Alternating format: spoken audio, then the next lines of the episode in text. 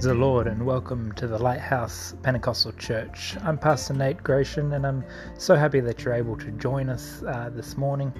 Uh, this morning's message is from Acts chapter 3, uh, Peter and John uh, visiting the temple at the hour of prayer. And the message title is uh, God Wants What You Have, or What You Have is exactly what God wants. too many times we focus on what we don't have uh, rather than focusing on what we do have and what, what God has given us. And so, thanks again for joining us, and uh, pray that this I pray that this message uh, blesses you and ministers to you. God bless.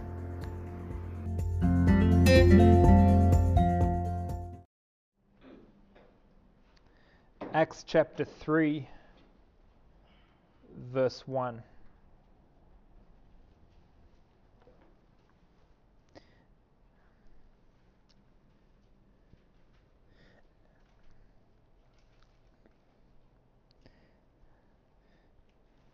And uh,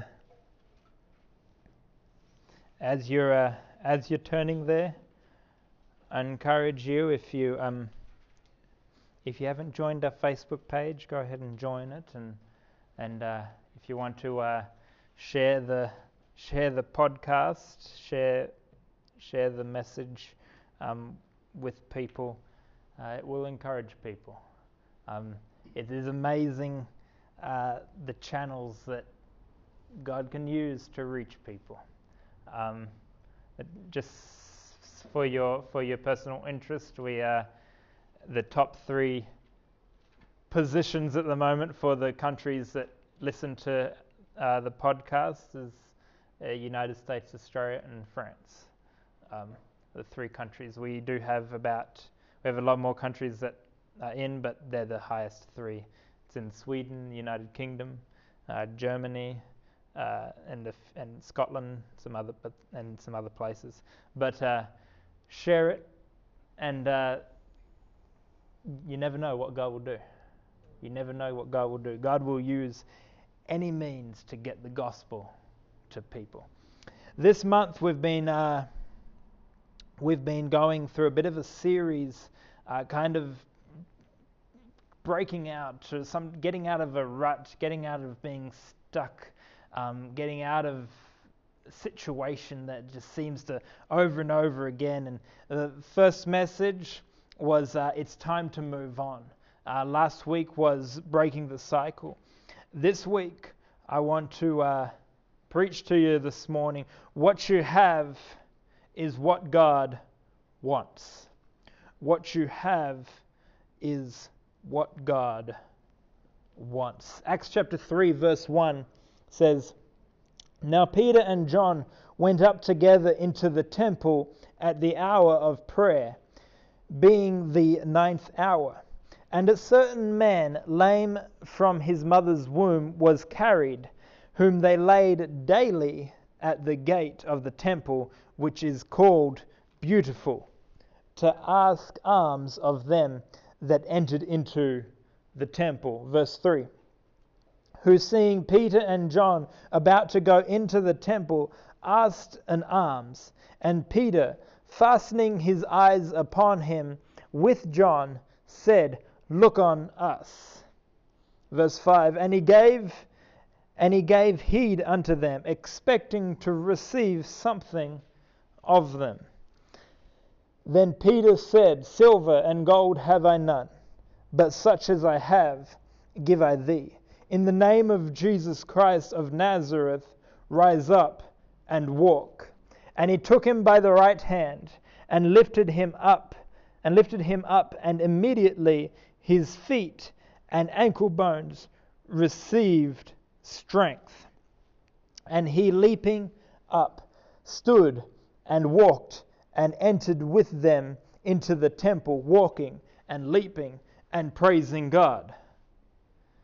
Peter said to this man, Silver and gold have I none, but such as I have give I thee. I don't have what you're looking for, but what I do have, I give to you.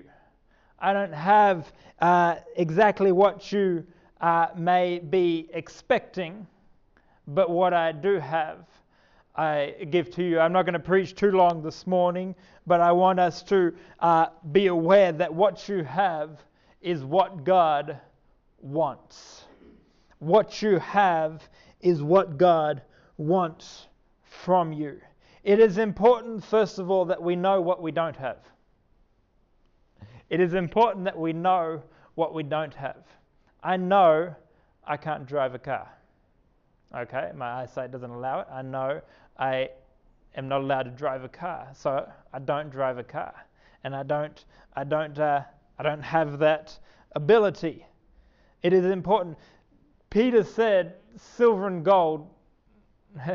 I don't have any of that. Sorry, Peter. Peter was like, "Sorry, I don't have uh, what you what you were kind of expecting, what you were coming today hoping for." You see, the man came every day. He was laid there daily asking for alms. But on this specific day, on this day, he wasn't expecting uh, something else to come along the path. And so Peter says, Look, silver and gold I don't have, but what I do have, I give to you. In the name of Jesus Christ of Nazareth, rise up and walk. Rise up and walk. Peter knew what he didn't have. And it is important that we know what we don't have. There are some people that just don't have rhythm. They just don't have rhythm. They, they, they, they, you know, they couldn't play the keyboard to save themselves if their life depended on it. You know, they just, they, they don't have rhythm. And yet, it seems like they may spend hours and hours trying to play the keyboard, and that's that's wonderful. But there are things there that God has given you to use. That God has given you to use. Uh, God wants you to use what you have. What you have. When you start using what you have, more will come. More will come. God will give you more. More will come. But we need to use what we have and stop focusing on what we don't have. It is important to know what we don't have, but don't focus on it. Don't focus on it. I've, uh, I've not going to not going to mention mention any places or anything, but I've been to uh, I've been to some churches where the music's music's going and stuff, and people are clapping, and it sounds like rain on a tin roof, and it's like oh, everyone's in their own own own own rhythm here, right? Um, in their own thing, and and and we've got the musician's job. They fi- face a difficult job where they have to get everyone into into one rhythm and one beat and and co- coherency because because there's, there's order and stuff, and we'll get to that in a moment. But there's order in the way things work, and and when you work in what you have, when you use what you have when you, when you focus on what you have, all of a sudden things begin to move. Things begin to move. Do not be paralyzed by what you don't have. As I mentioned, you need to know what you don't have. But too many of us become paralyzed by what we don't have or what we don't know. We say, oh, no, no, God doesn't want me to share with this person. I don't have enough of an understanding of the Bible. But you do have some. Use it. You do have some. Oh, no, no, I, I couldn't do that or this because I don't insert whatever you want to put there. But you do have some. Use what you have. Use what you have. You, re- you remember, uh, you know, we music here. We for for a long time we used pre-recorded music, you know, and I was the worship leader. Well, this is back in the day when before before Chelsea, you know, and we just focused on we just used what we had, and you just use what you have, and then when when you use what you have, God brings more. more, and you'll be able to continue, uh, continue to grow, continue to develop. But too many of us focus on what we don't have. We focus on our on our weaknesses. We focus on on the things that aren't there. And we and we and we focus in on that. You know, I you know um, I'm thankful. I'm thankful for uh, for people here that you know. I, re- I remember when it was just just maybe two or three people coming together for church, and we've got a lot of people away this morning, um, traveling and stuff. But two or three people coming together for church. I'll be honest with you. I'll be honest with you. I, I remember when like vis- when one of you guys would come in, came in for the first time. I remember when each of you came in for the first time, and my mind I was like, God, just help them not think it's a cult.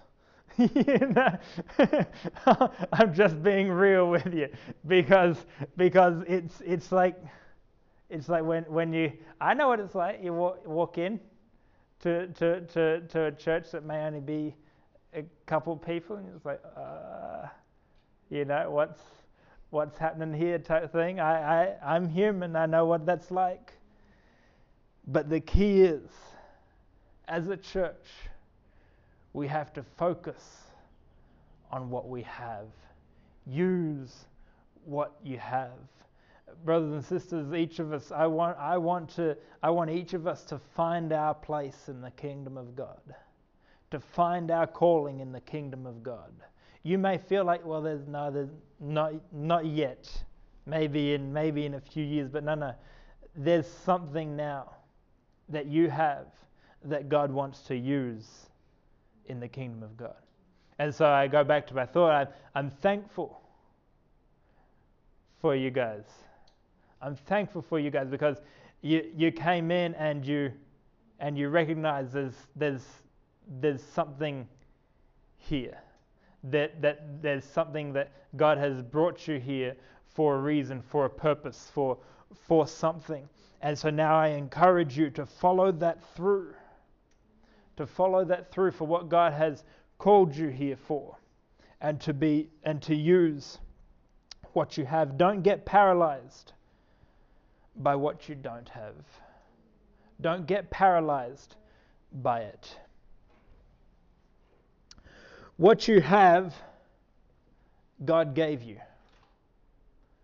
What you have, God gave you. God gave you exactly the giftings and the abilities that you have. He didn't give it to someone else, He gave it to you. It's important that we understand this. It is important that we know this, that we understand God gave me the ability to do this, and He didn't give me the ability to do this.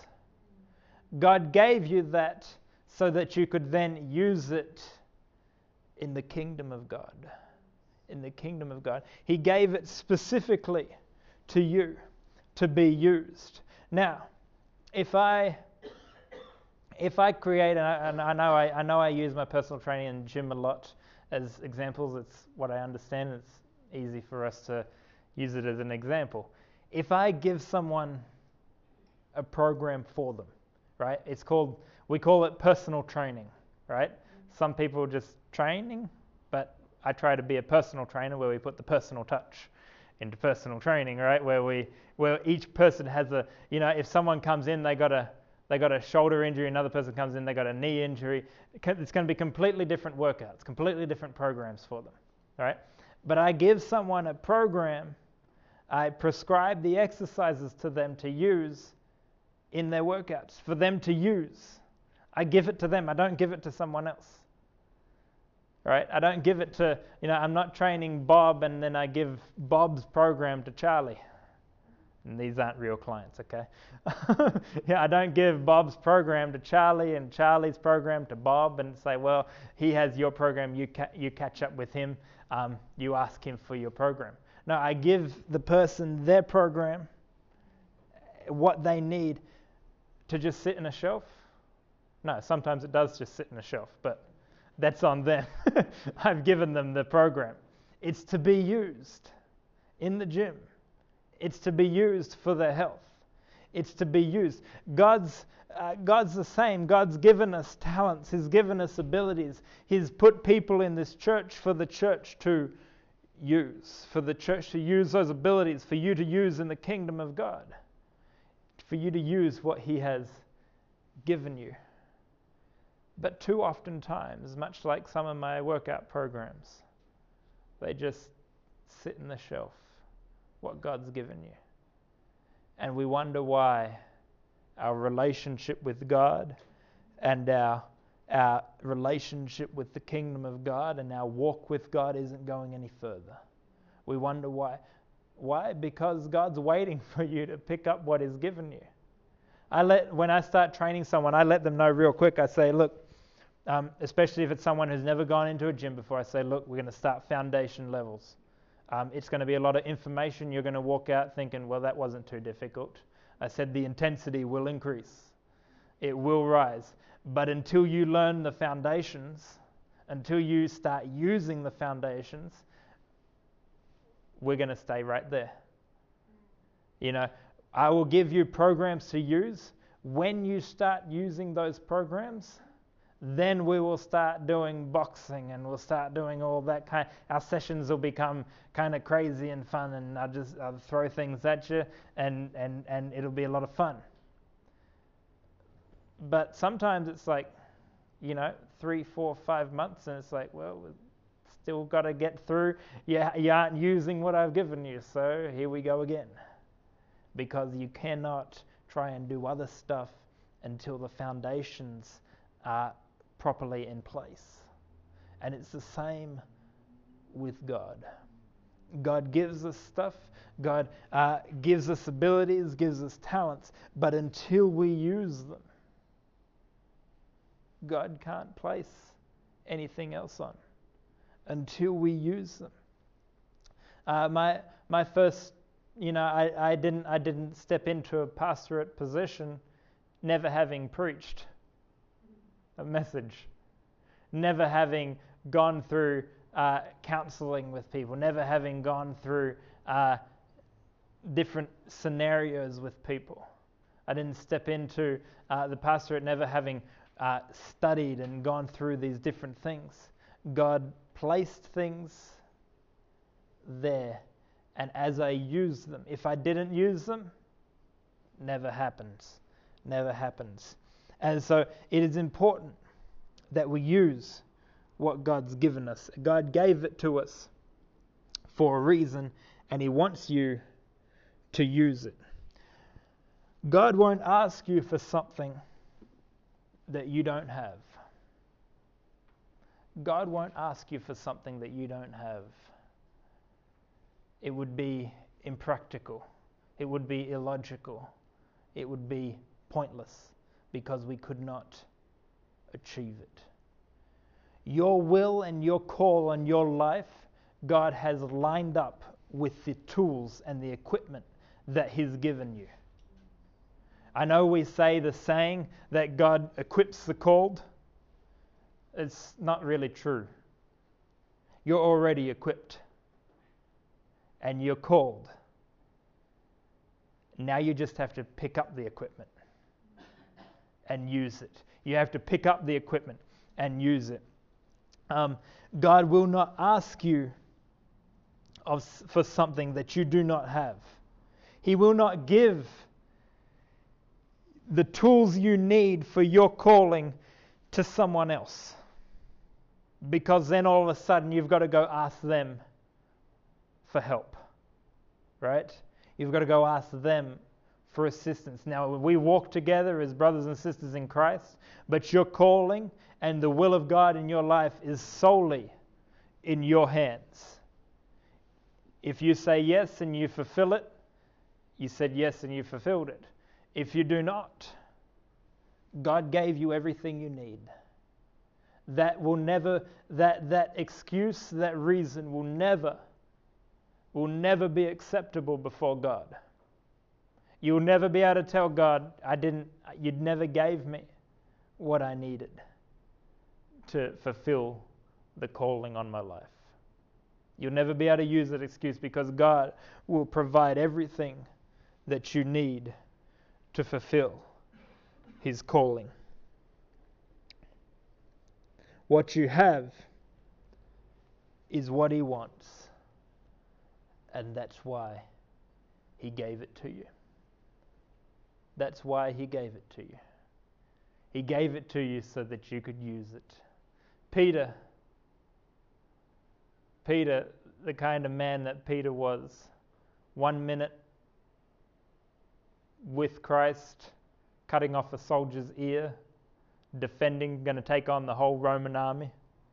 And the next minute, denying Christ. Another time, stepping off the boat into the water, jumping overboard, stepping off, and then sinking, crying out to Jesus.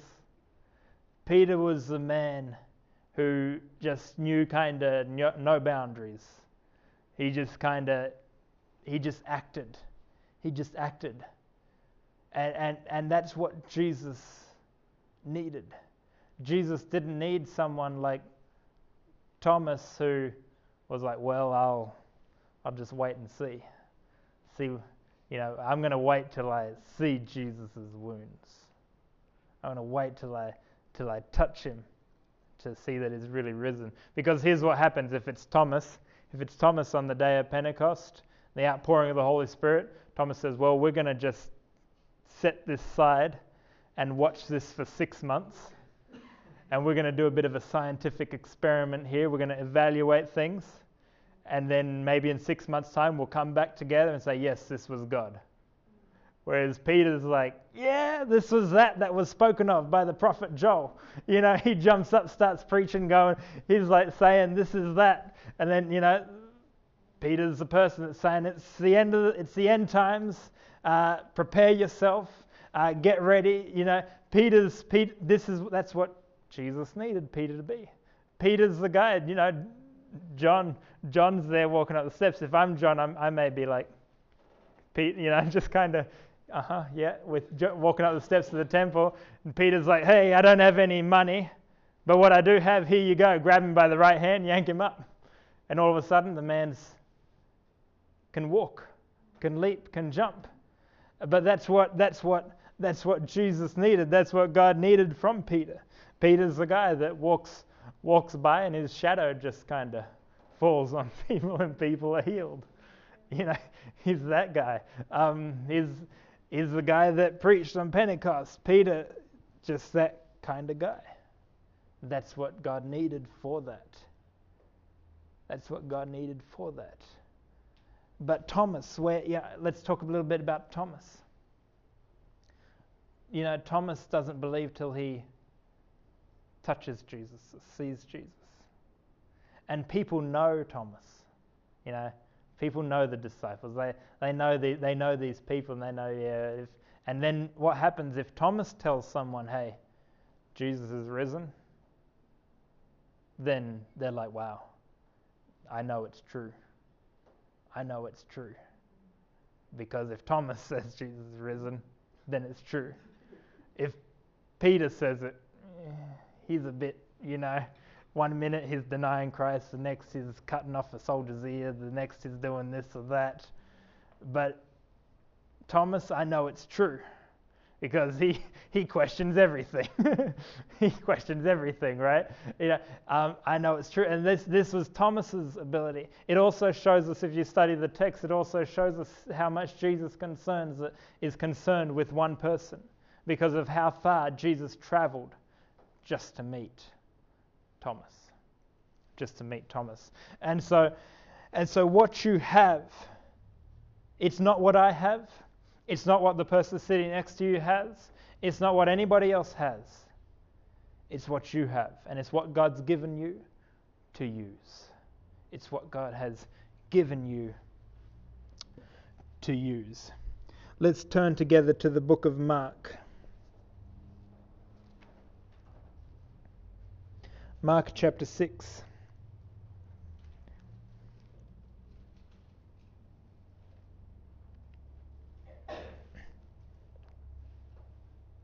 Mark chapter, Mark chapter, uh, Mark chapter 6, verse 30. And so it is important that you focus on what you have. The scripture says, Do not compare yourself amongst yourselves. What I have is not what you have. What you have is not what I have. But God has given you what you need to fulfill His calling in your life. Exactly what you need. It is important that we start using it. Verse 30 of Mark chapter 6 And the disciples gathered together themselves unto Jesus and told him all and told him all things both what they had done and what they had taught and hasted unto unto them and he, and he said sorry and he said unto them come ye yourselves apart into a desert place and rest a while for for there were many coming and going, and they had no and they had no leisure so much as to eat. They hadn't even had a chance to eat yet. To eat, and there was all this coming and going, people everywhere, crowd everywhere. They come to Jesus, say, "Hey, we're uh, we've been doing this. This has been happening. That's been happening." Jesus says, "Basically, that's really good. Let's Let's keep this conversation for dinner or something. I'm hungry. Let's go to a desert place, to a, a deserted place where nothing is, and just eat and rest and have some leisure time, some relaxation time, a place to just rest. Verse 32 And they departed into a desert place. There it is again, desert place, by ship. By ship privately, secretly. They're trying to they're trying to get out. Verse 33 And the people saw them departing, and many knew him, and ran afoot thither out of all cities, and out and out went them, and came together unto him. And Jesus, when he came out, saw much people, and was moved with compassion toward them, because they were because they were as sheep, not having a shepherd and he began to teach them many things. And when the day was now fast spent, his disciples came unto him and said, This is a desert place, third time, and now and now the time is far past. Send them away, that they may go into the country round about, and into the villages, and buy themselves bread. For they have for they have nothing to eat. He answered and said unto them, Give ye them to eat. And they said unto him, Shall we go and buy two hundred pennyworth of bread and give them to eat? He saith unto them, How many loaves have ye? Go and see. And when they knew, they, they say, Five and two fishes which was probably their dinner. Five and two fishes. And he and he comment, commanded them to make all sit down and in, sit down by companies upon the green grass, and they sat down in ranks by hundred, by hundreds, and by fifties. And we know the rest of the we know the rest of the account.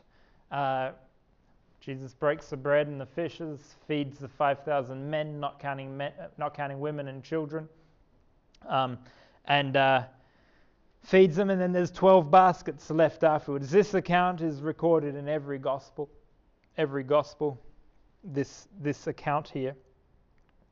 But what I want you to notice is in, in verse 39, Jesus commands them to sit down by companies on the green grass. On the green grass. See, when you notice what you have, when you look at what you have, and if we could have some music, please, thanks. When you know what you have, there's a paradigm shift in your spirit that takes place. A paradigm shift is a shift in, in your mindset, in your heart, in your spirit of understanding something, of knowing something, of seeing something. You know, we we see people and and we, you know, I love to sit in airports and just watch people. We see people going to and fro, and you know, we can kind of guess and assume things about people. But until you actually sit and talk with them, you don't know. And when you do, oftentimes a paradigm shift takes place.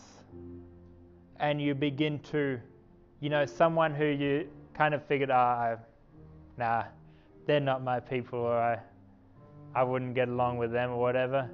You spend a moment with them, and a shift takes place, and you become good friends. And that's called a paradigm shift.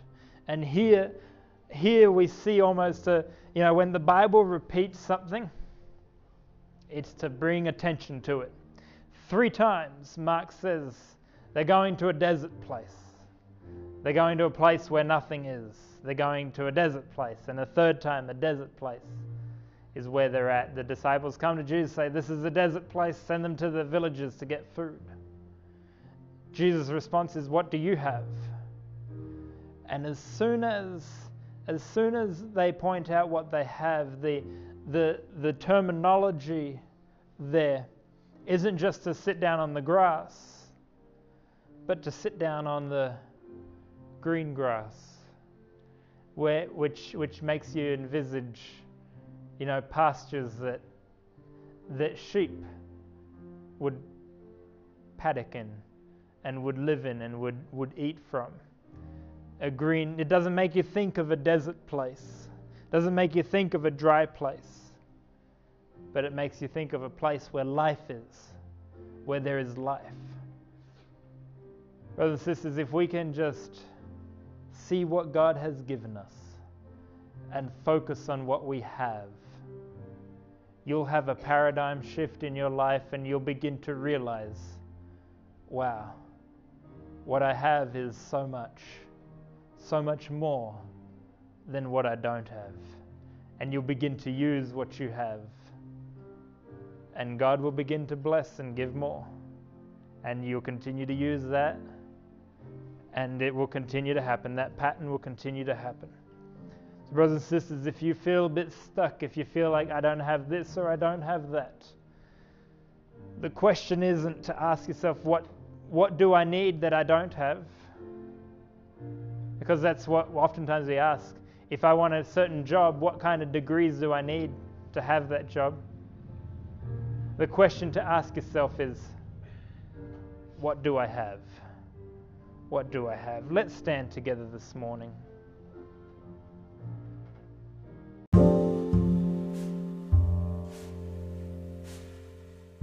Thank you for joining us uh, this morning. I pray that the message blessed you and ministered to your life. And I pray you have a blessed and wonderful week. God bless. Take care.